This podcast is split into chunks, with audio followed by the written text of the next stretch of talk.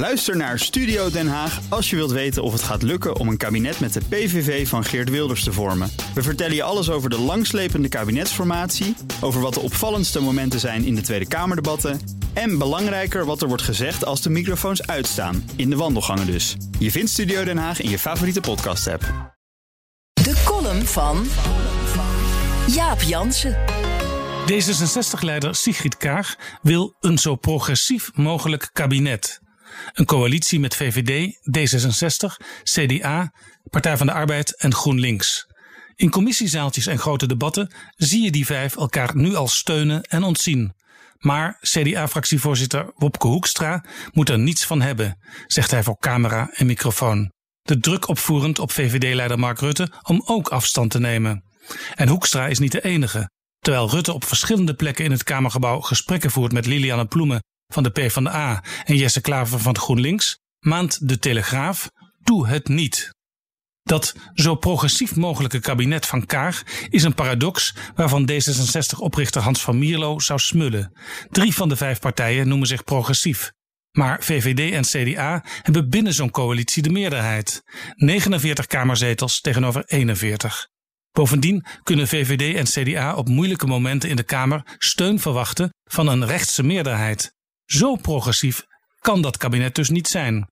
En als er, zoals nu alom gepredikt wordt, straks weer alle ruimte is voor politiek debat, in de ministerraad, in de Kamer, biedt dat VVD en CDA veel kansen. Waar maakt Hoekstra zich druk om? In de PvdA zijn ze er al een beetje beducht voor. Als er meer parlementaire vrijheid komt, kan links wel eens iets te vaak het onderspit delven. De PvdA moet in de kabinetsformatie heel veel vastleggen. Geen dualisme, geen dun regeerakkoord, zei de directeur van het wetenschappelijk bureau van de Partij van de Arbeid, Clara Boonstra, maandagavond in een Zoom-gesprek met PvdA-denkers. De ChristenUnie wil liever de oppositie in, net als de meeste partijen in de Tweede Kamer. Als je een minderheidskabinet wil voorkomen, zijn VVD, D66, CDA, PvdA en GroenLinks tot elkaar veroordeeld.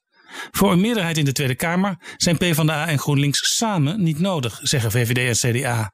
Maar wie de afgelopen weken goed opletten, weet, die zijn zich politiek aan het verloven. In commissiezaaltjes en ook in de plenaire zaal spreken PvdA'ers vaak mede namens GroenLinks en andersom. Er is nog geen gezamenlijke fractievergadering, maar dat hoeft ook niet. Ze weten van elkaar wat ze vinden.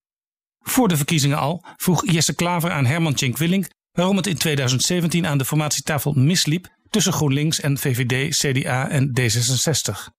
Jullie spraken te veel met de kaarten tegen de borst, zei de informateur van Rutte 3. Zijn les is nu actueel. Het wordt tijd om aan tafel te gaan en echt met elkaar te praten.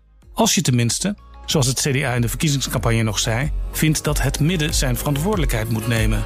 Vooruit met de geit. Nu doorpakken.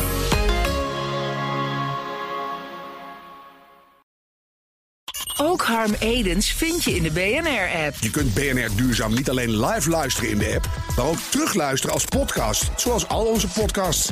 En naast dat de BNR-app Breaking News meldt, houden we je ook op de hoogte van het laatste zakelijke nieuws. Download nu de gratis BNR-app en blijf scherp.